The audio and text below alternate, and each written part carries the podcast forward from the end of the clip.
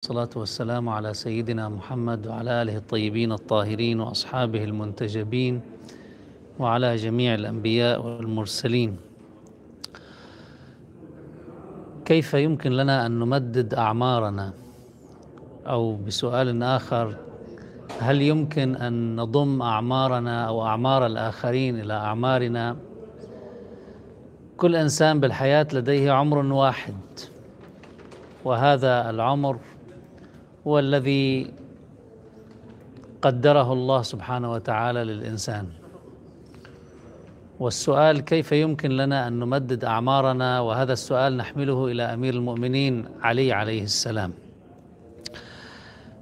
هناك حديث للإمام علي عليه السلام لأخيه لولده الإمام الحسن عليه السلام يقول له فبادرتك بالأدب قبل أن يقسو قلبك ويشتغل لبك لتستقبل بجد رأيك من الأمر ما قد كفاك أهل التجارب بغيته وتجربته فتكون قد كفيت مؤونة الطلب وعفيت من علاج التجربة فأتاك من ذلك ما قد كنا نأتيه واستبان لك ما ربما أظلم علينا منه.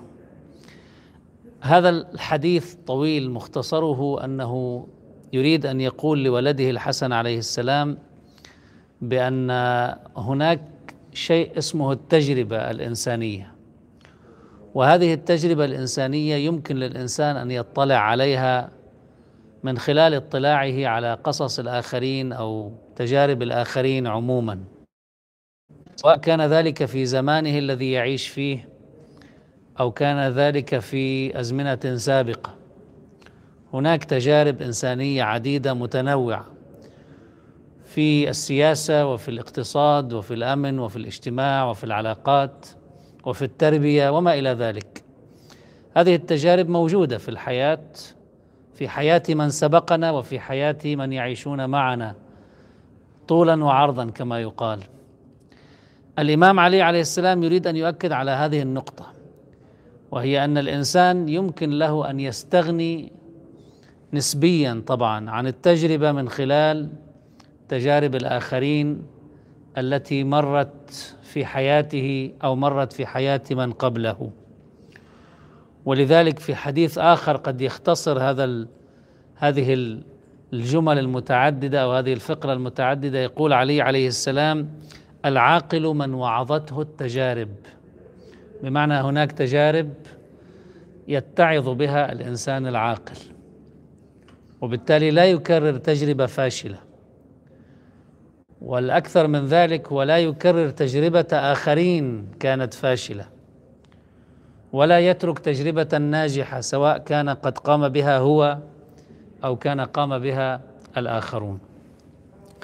في الواقع التجربة هي نوع من التمديد لأعمارنا إلى أعمار الآخرين.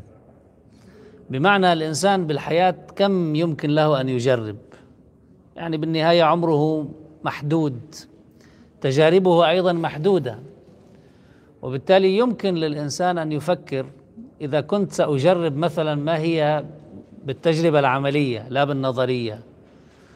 أريد أن أجرب مثلا الزواج الناجح والزواج الفاشل علاقات الصداقة الناجحة وعلاقات الصداقة الفاشلة. تجربة ربما سياسية تجربة سياسية حزبية ناجحة وتجربة سياسية حزبية فاشلة. معارضة ناجحة ومعارضة فاشلة. الإنسان بطبيعته عمره كم يتسع؟ هو من حيث المبدأ يولد الإنسان صغيرا يبدأ يجرب بشكل ربما طفولي حتى إذا بلغ الرشد يعني يبدأ يرصد التجربة تجربته ويستخلص النتائج. ومش كل الناس تستخلص نتائجها كذلك. عادة عمر الإنسان عمر قصير. كم يمكن أن يعيش الإنسان ليأخذ النتائج والدروس والعبر والفوائد من التجربة الحية لحياته هو؟ العمر القصير يعني تجارب محدودة وبالتالي بالتالي دروس أيضا محدودة. بينما الإمام عليه السلام يريد أن يقول بأن هناك تجارب لأناس عاشوا قبلنا وهناك تجارب لأناس عاشوا أيضا معنا في نفس العصر لكن في أمكنة أخرى. وجربوا أشياء نجحوا في بعضها وفشلوا في البعض الآخر. فالإمام يقول هذه التجارب قد تشكل لك كفاية. بحيث أنك عندما تطلع على التجارب الناجحة عند الآخرين يمكن أن تأخذها أساسا لتجربة ناجحة وبالتالي لا تجرب حتى تستخلص ترى النتيجة وبالتالي بعد ذلك تحصل على آه، كأنه قرار بأن تجربها أو تقوم بها. ترى الآخرين كيف جربوا ثم بعد ذلك تأخذ التجربة. بماذا فشل الآخرون؟ أيضا يمكن لنا أن نستخلص العبرة والدرس من فشلهم. كيف تحركت حياة السابقين لنا أو المحيطين بنا؟ نأخذ من ذلك أيضا تجارب. طبعا كيف نأخذ التجربة؟ هذا موضوع بحد ذاته موضوع مستقل. يعني لا نأخذ التجربة كيفما كان على طريقة ما نستورد الأمور.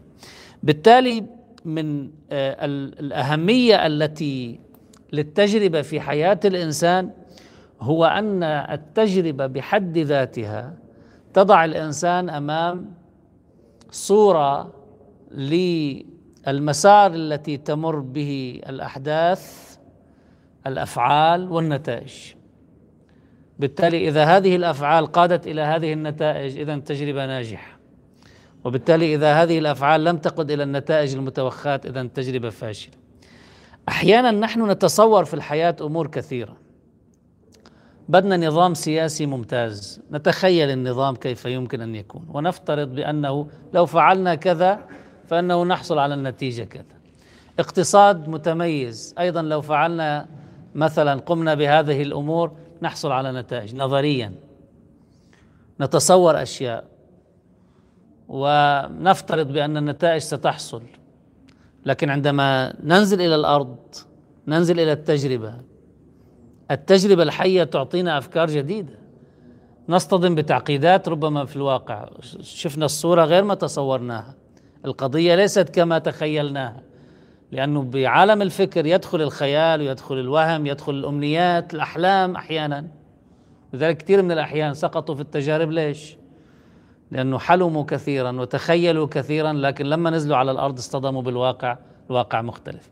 إذا التجربة ميزتها أنها تضع لك النتيجة أو الفعل وعلاقته بالنتيجة أمامك بالحس خارج إطار ذاتك خارج إطار أفكارك. وبالتالي كانت التجربة مهمة. وكان الإنسان بحد ذاته يحتاج إلى التجربة ليتعلم بالحياة. من دون التجربة لا يتعلم.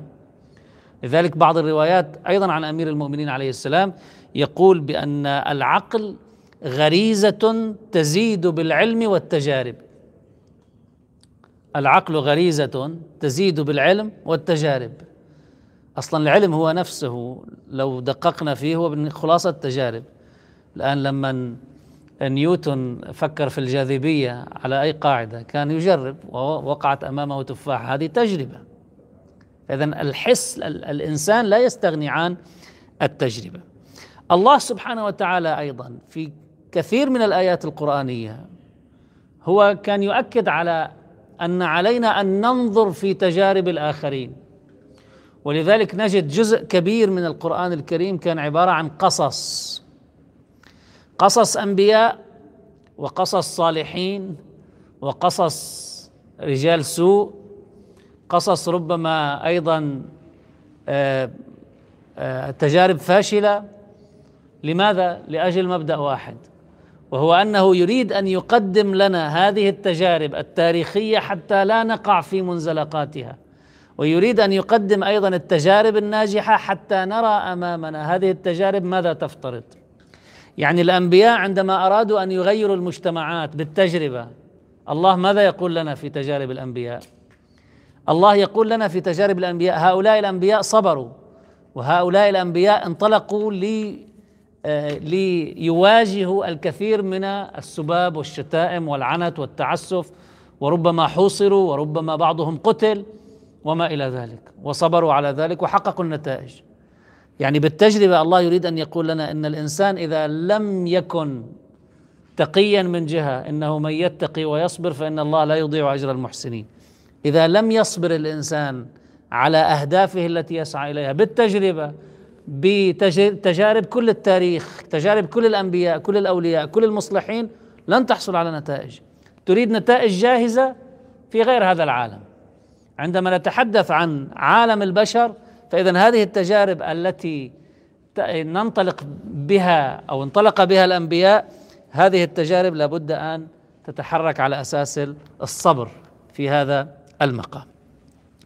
لما بيعطينا الله سبحانه وتعالى أيضا تجارب أخرى تجارب فرعون مثلا وهامان والنمروذ وما إلى ذلك من هؤلاء الذين كانوا طغاة وجبابرة. هو يريد أن يعطينا أيضا تجارب في التاريخ ويريد أن يعطينا دروسا وعبرا في التاريخ.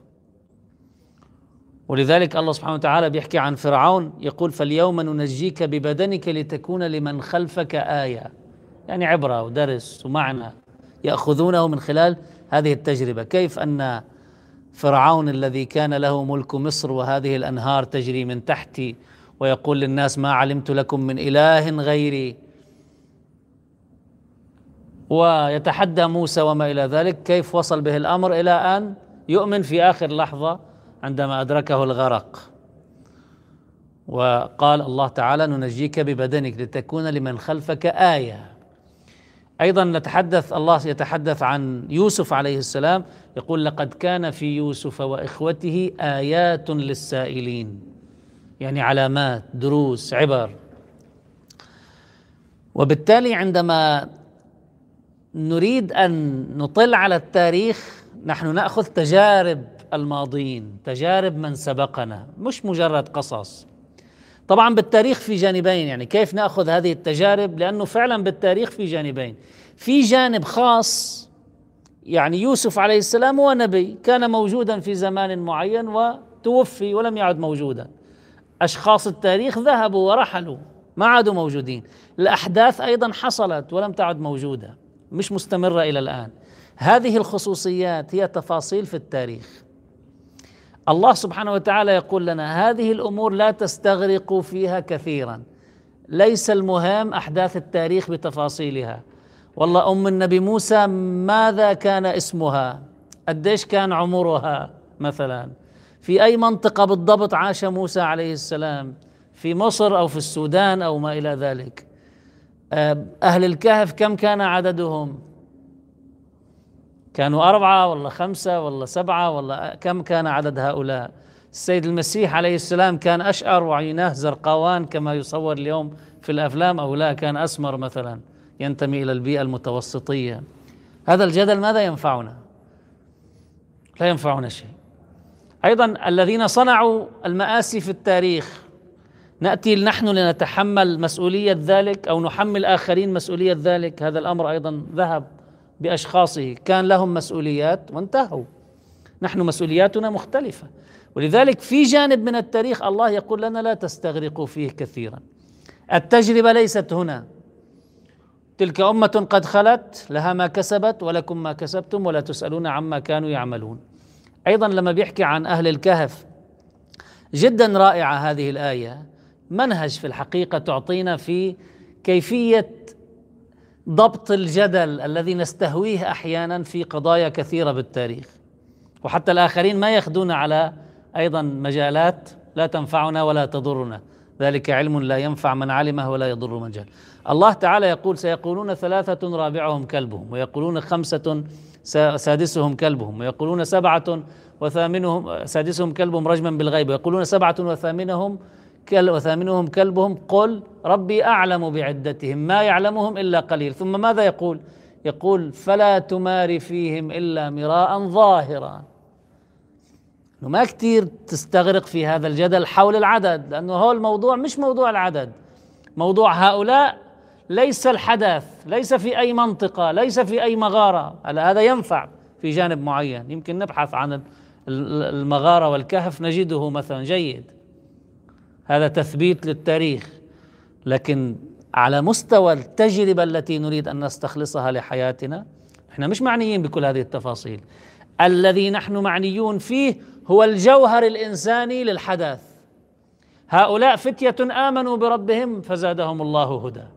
فرعون كان طاغيا استخف قومه فأطاعوه.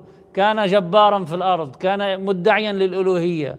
هامان وزير أيضا وزراء الأشرار الوزراء الأشرار الذين يزينون الملأ الذين كانوا من حول الظالمين الأنبياء المصلحون حتى رجال دين الله سبحانه وتعالى تحدث عن رجال دين مؤمنين ورجال دين غير مؤمنين. بمعنى أفسدوا في الأرض. أعطانا كل هذه التجارب الحية في التاريخ لأن هناك جوهر إنساني مشترك بيننا وبينهم. هذا ما نأخذه من التاريخ. ولذلك بعد كل الآيات التي قص الله سبحانه وتعالى عليها فينا أو علينا فيها قصة يوسف عليه السلام بآخر آية ماذا قال؟ لقد كان في قصصهم عبرة لأولي الألباب.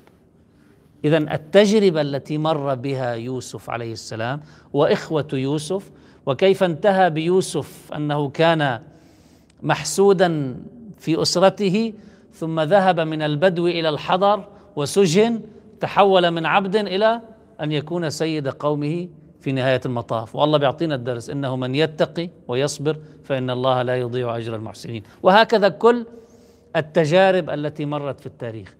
اذا هذه القص هذا القصص الذي مر في التاريخ الذي يقصه القرآن الكريم أو الذي يأتينا من روايات وأحاديث تنقل لنا أخبار الماضين حتى أخبار عوائلنا وأسرنا آباؤنا وأجدادنا من هم كبار السن عندنا الذين جربوا بعض التجارب.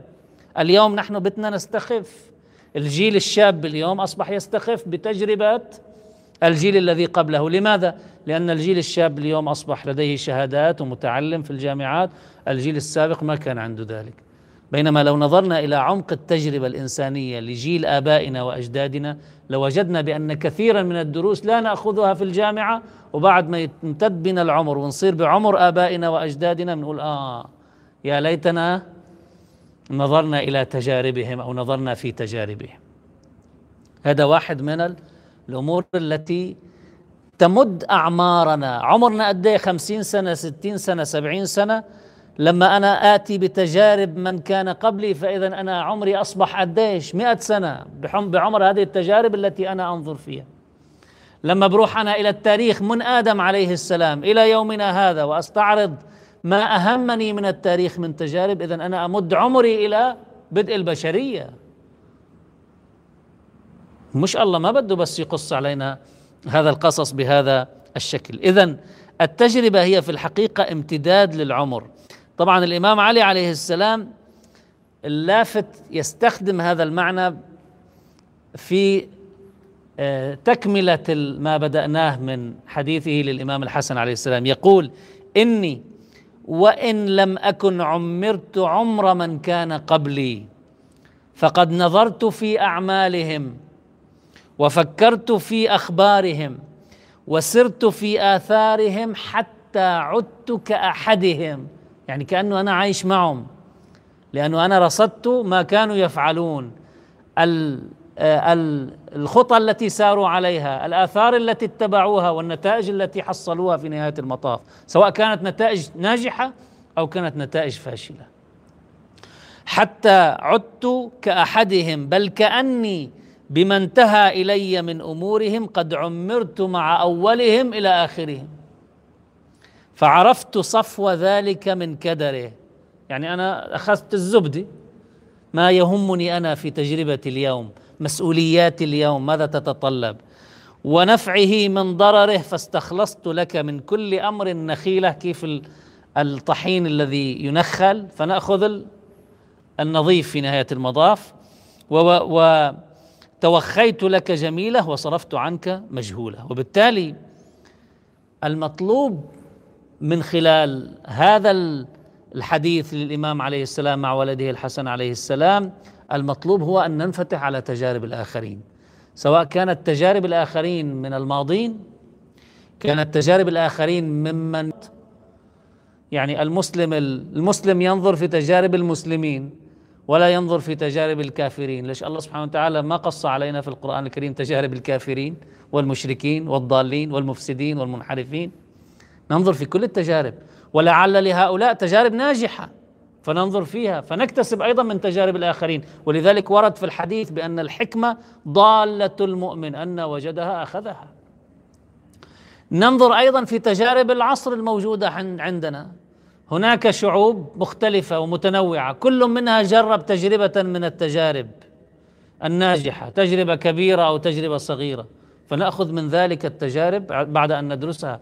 ننفتح على كل التجارب ولذلك بنقول بالعلم بالتجربة العلمية ما عندنا حدود. ننفتح على كل العلوم التي عند الآخرين ننفتح على كل التجارب التي عند الآخرين. أصلا الله سبحانه وتعالى لما نوعنا في في الحياة نوعنا إلى شعوب وقبائل وجماعات وأمم وما إلى ذلك. ماذا قال؟ قال وجعلناكم شعوبا وقبائل لتعارفوا. التعارف هو مش بس نتعرف على بعضنا البعض واسمك شو اسمي شو لونك شو لوني شو. التعارف هو إدراك الجوهر الإنساني. من خلال ماذا؟ من خلال التجربة التي قامت بها هذه الشعوب وتلك الشعوب وما إلى ذلك. بالتالي نحن بحاجة إلى أن لا نزهد بتجارب الشعوب. بمجتمعنا لدينا تجارب ناجحة وتجارب فاشلة. أن ندرس كل ذلك حتى لا نقع في نفس الشرك والفاخ مرتين. أحيانا نحن ربما لا نلتفت إلى أننا قد نقع فيما يقع فيه الآخرون من تجارب وبالتالي نترك أنفسنا. واحد بحس حاله قوي فما عنده مشكلة أن لا ينظر في من جرب قبله وخاض الغمار واللجج وما إلى ذلك. فجأة بيرجع بيوقع بنفس المشكلة. مع عندنا كثير أحيانا من من العلماء والمصلحين سبوا في أزمنة معينة. وكنا مفكرين إنه الموضوع خلص بس هو لأنه هو الأشخاص هيك. ما هي تجربة. وبالتالي نحن وقعنا بعد ذلك بعد عمر معين 10 20 30 سنة وقعنا في نفس ما وقع به الآخرون. فلما تركنا أولئك سبنا الآخرون كذلك. لأننا في زمان آخر كنا نحن الواجهه كنا نحن المصلحين وما إلى ذلك. هناك تجارب نقوم بها. نحتاج إلى أن نحافظ عليها و ان يكون هناك نوع من الشحن الدائم للذاكرة ذاكرة التجارب الشعبية أو ذاكرة التجارب في المجتمع في أي مجتمع من المجتمعات. لأن واحدا من الأمور التي نجد بأنها اليوم تمثل خطرا من الأخطار المحدقة بمجتمعاتنا خصوصا الإسلامية أنهم يريدون أن يقطعونا عن تجاربنا الناجحة أن يفقدون الثقة بهذه التجارب أن يشوهوا أحيانا بعض التجارب الناجحة نتيجة دعايات مغرضة وما إلى ذلك وتشويه صورة وقلب مفاهيم وبالتالي ينقطع جيل معاصر يواجه تحديات ومشكلات ينقطع عن تجارب من سبقه من الأجيال. ولذلك كثير من الأحيان شو بصير؟ بيكونوا الجيلين عم يحكوا مع بعض. بيجوا الجيل الكبير اللي هو مجرب ومستخلص نتائج بيجي بيقول يا عمي أنتم الشباب هلأ في حماس عندكم. بس انتبهوا لبعض القضايا تعالوا نعطيكم تجاربنا. أو إنه أنتم ما حتنجحوا لأنه الظروف كذا وكذا وكذا. عم تحكوا لغة خشبية بعدكم. أنتم وينكم بعدكم من الماضي. العالم تغير صحيح العالم تغير بكثير من الأدوات. لكن الجوهر الإنساني للتجربة بضل هو ذاته. صح يمكن أحيانا الجيل الماضي يثبط لنا عزائمنا لكن على الأقل نلتفت إلى ما عند الآخرين من تجارب. كثير من الأحيان اليوم بنلاقي إنه صار عندنا فصل بين الأجيال عم بيخلوا الإنسان يعيش فرديته وحده وبالتالي هو اللي بده يجرب وهو اللي بده يستخلص النتائج. طيب قديش عمر الإنسان آخر شيء 20 30 40 50 70 سنة؟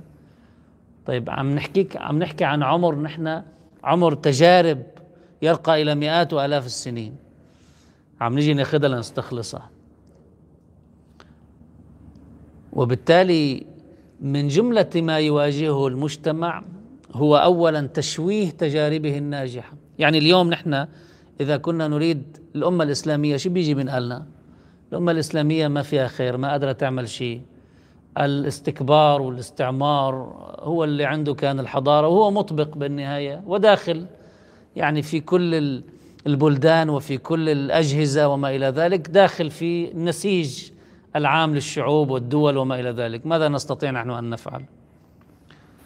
طيب عندنا تجارب ناجحة جربناها. في الجهاد العسكري جربنا في الجهاد الفكري والثقافي جربنا في الجهاد العلمي جربنا. في عندنا تجارب ناجحة. ماذا يراد اليوم أن يصنع؟ يقال لك هذه التجارب لا هذا هذه تجربة العسكرية التي انتصرت فيها على ربما جيش لا يقهر في المنطقة هذه تجربة آه، إرهابية مثلا. يعطيك عنوان آخر. يقطعك عنها. يوجد حاجز نفسي بينك وبينها. تجارب علماء ماضين على المستوى الفكري طرحوا طروحات كثيرة وواجهوا. لا لا نقرأ للآخرين. نريد اليوم أن نفكر من جديد كأنه عم نبدأ من الصفر. ما يمكن لنا أن نتكل على تجارب الآخرين ونتاج الآخرين. كيف تحركوا في الساحة؟ كيف استطاعوا أن ينقلوا المجتمع من حال إلى حال أفضل؟ كيف مارسوا النوع من التو... نوع من التوجيه الفكري والأخلاقي من جهة والروحي؟ كيف مزجوها مع بعضها البعض؟ هي كلها تجارب. اليوم يراد لنا أن ننسلخ عن هذه التجارب. يراد لنا أن ننفصل عن الجيل السابق كذلك. طبعا يمكن الجيل السابق أيضا يكون فاصل حاله عن الجيل الحالي. بالتالي ما عم نتواصل مع بعضنا البعض. لنأخذ من تجارب بعضنا البعض. جزء من المسؤولية اليوم تقع على عاتق الجيل الأول لكي ينقل التجربة للجيل الثاني. القيادات يجب أن تبقى تتواصل مع الجماهير حتى تنقل لها التجارب. تذكرها بالتجارب الناجحة إذا نسيت أو إذا نسيت تجاربها الناجحة. أو إذا تم العمل على تشويه هذه النتائج وبالتالي إيجاد حالة نفسية بينها وبين الناس أن أن يبقى هؤلاء مصرين على نصاعة التجارب الحية والناجحة. وما في مانع أن نعترف أيضا بتجارب فاشلة. نخطئ هنا أو نخطئ هناك أو ربما نكون فشلنا في زمان معين وانتقلنا آه، ظروف أخرى وبالتالي يمكن أن نعترف بأخطاء قمنا بها بالماضي. ما في مانع. لأن الإنسان لا يتعلم فقط من التجارب الناجحة وإنما أيضا يتعلم من التجارب الفاشلة كذلك. هناك أيضا من الأمور التي نواجهها اليوم نوع من السطحية التي يتم إقحام الناس بها وبالتالي التجربه بدها عمق. الآن لا أجي افهم أنا النبي يوسف عليه السلام وكيف أنه انطلق ليأخذ من أدوات يعني اليوم نقرأ قصة يوسف انه الاخوات يوسف حسدوا وكبوه بالبير وبعد ذلك أخذوه يعني سيارة قافلة وبالتالي بيع تحول ملك وخلاص خلصت القصة. أما عندما نرى حكمة الله عز وجل في أنه عندما أراد أن يهيئ إنسانا نبيا لكي يكون البديل التوحيدي عن الحاكم المشرك. نقله من البدو إلى الحضر وعاش في نفس البيئة وامتلك كل أدواتها عن قرب وبالتالي أصبح قادرا على ممارسة الحكم بينما لو كان باقي في في البدو كان يحتاج إلى معجزة حتى ينتقل إلى ذلك. لكن بالقوانين الطبيعية تم نقله إلى هذا المكان. نفس الشيء يوسف عليه السلام. موسى عليه السلام. عندما أريد لموسى عليه السلام أن يكون البديل عن فرعون لكن البديل الموحد الذي سينقل بني إسرائيل والمجتمع من حال إلى حال ويمارس هذه القيادة امتلك أدوات القصر الفرعوني لأنه عاش في نفس البيئة. امتلك أدوات الحكم عن معرفة. وبالتالي هذا شو بيعطينا تجربة؟ أن نقرأ بعمق بيعطينا تجربة أننا عندما نريد أن نكون بديلا لابد أن نمتلك الأدوات. ما فينا نحط بدائل هيك مثل ما بنرسمها على الورق. شيل هول الجماعه شيل هول الجماعه حطهم بالحبس خلاص بيمشي حال البلد. ما قد ما يمشي حال البلد لأنه السيستم خربان. يمكن لو شلنا هول الجماعه يخرب البلد أكثر بدك تشوف الطريقة التي تنتقل فيها من حال إلى حال أفضل مثلا. لا ما عم ناقش أنا هاي القضية لكن عم أقول أحيانا العمق في العمق نحتاجه لاستخلاص التجارب. وبالتالي لما بيجعل واحدة من الأمور التي تجعل فيها مجتمعاتنا سطحية تمارس الأمور بالشعارات. الإمام علي مع الخوارج شو صار فيه؟ الخوارج قالوا شعار رفعوا أولئك المصاحف وجوا قالوا له انزل على حكم هؤلاء. أنت لا تنزل على حكم الله عز وجل؟ عم بيقولوا لك تعال ننزل على حكم الله على حكم ما يريده الله سبحانه وتعالى. ترفض ذلك؟ قال لهم كلام حق يراد به باطل الإمام علي. قال لهم هاي تجارب هاي خدعة. هذه التجربة تقول لي ذلك.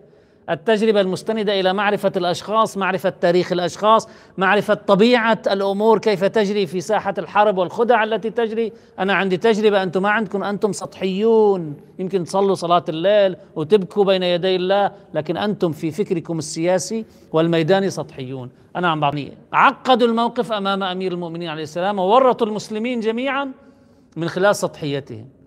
وبالتالي حتى نستخلص التجارب لا يمكن لنا إلا أن نكون نعيش هذا العمق في استخلاص التجربة ولا نبقى في هذه الحالة السطحية.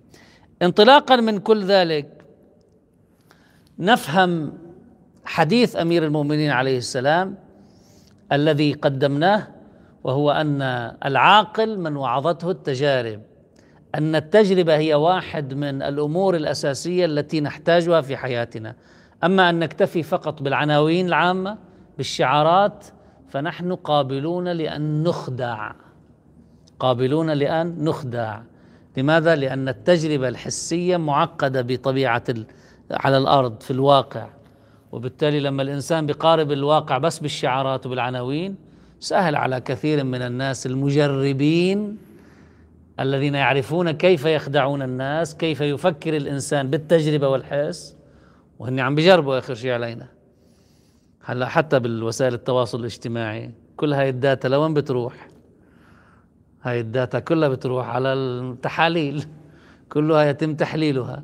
شو بيكتب هول الناس لما نزلت هاي الخبرية؟ هذه ال هذا ال هؤلاء المجموعة الموجودين بهاي المنطقة كيف يتحدثون؟ أتباع هذا المذهب كيف ينظرون إلى هذا هذا الرمز المقدس عند الطرف الثاني وما إلى ذلك؟ كيف يمكن أن نصنع فتنة مذهبية؟ جربوا قبل وهلأ عم بيجربوا أكثر. كل هذه الداتا يحللونها وبالتالي يستخلصون نتائج نتيجة تجارب. وبالتالي العمق هو الذي نحتاج إلى أن نواجه به كل ذلك. بالنتيجة الإنسان لا يتعلم فقط بالنظريات وإنما الإنسان يتعلم أيضا بالتجارب. والتجارب هي التي تنقل المعرفة من العناوين العامة من المثاليات من الخيال من الوهم أحيانا تنقلها إلى الحس نراها أمامنا. ولذلك كثير من الأحيان نفكر بأشياء لما ننزل إلى أرض الواقع نجد الأمر مختلفا. بيقول له فلان بتعرفه؟ بيقول له إيه؟ بيقول له جربته؟ بيقول له لا. بيقول له اذا ما بتعرفه. أحيانا نحن نعيب على آبائنا وأجدادنا وإخواننا أو الجيل الذي سبقنا أشياء فلما نقع في نفس التجربة نقع في نفس النت... نفس التجارب التي جربها في نفس ما نقع في نفس ما نعيب عليه آباءنا وأجدادنا وإخواننا. وبالتالي التجربة في شيء مختلف. الذي نقوله في نهاية المطاف أن علينا أن لا نكف عن التجربة. بمعنى أن لا نبقى أيضا وهي واحدة من الأمور التي تزرع اليوم في نفوس الشعوب أن يخافوا من التجارب. بيقول لك أمام ضخامة العدو ضخامة النتائج ضخامة الهدف الغاية الأمنية. شو بدك تعمل نحن نحن شو؟ نحن غربيين. نحن أمريكان لنعمل هيك لنطلع على القمر وعلى المريخ. نقدر نكون استهلاكيين نشتري مثلا. نقدر نطلع على القمر وعلى المريخ. لكن أن نصنع بذلك نحتاج إلى تجربة.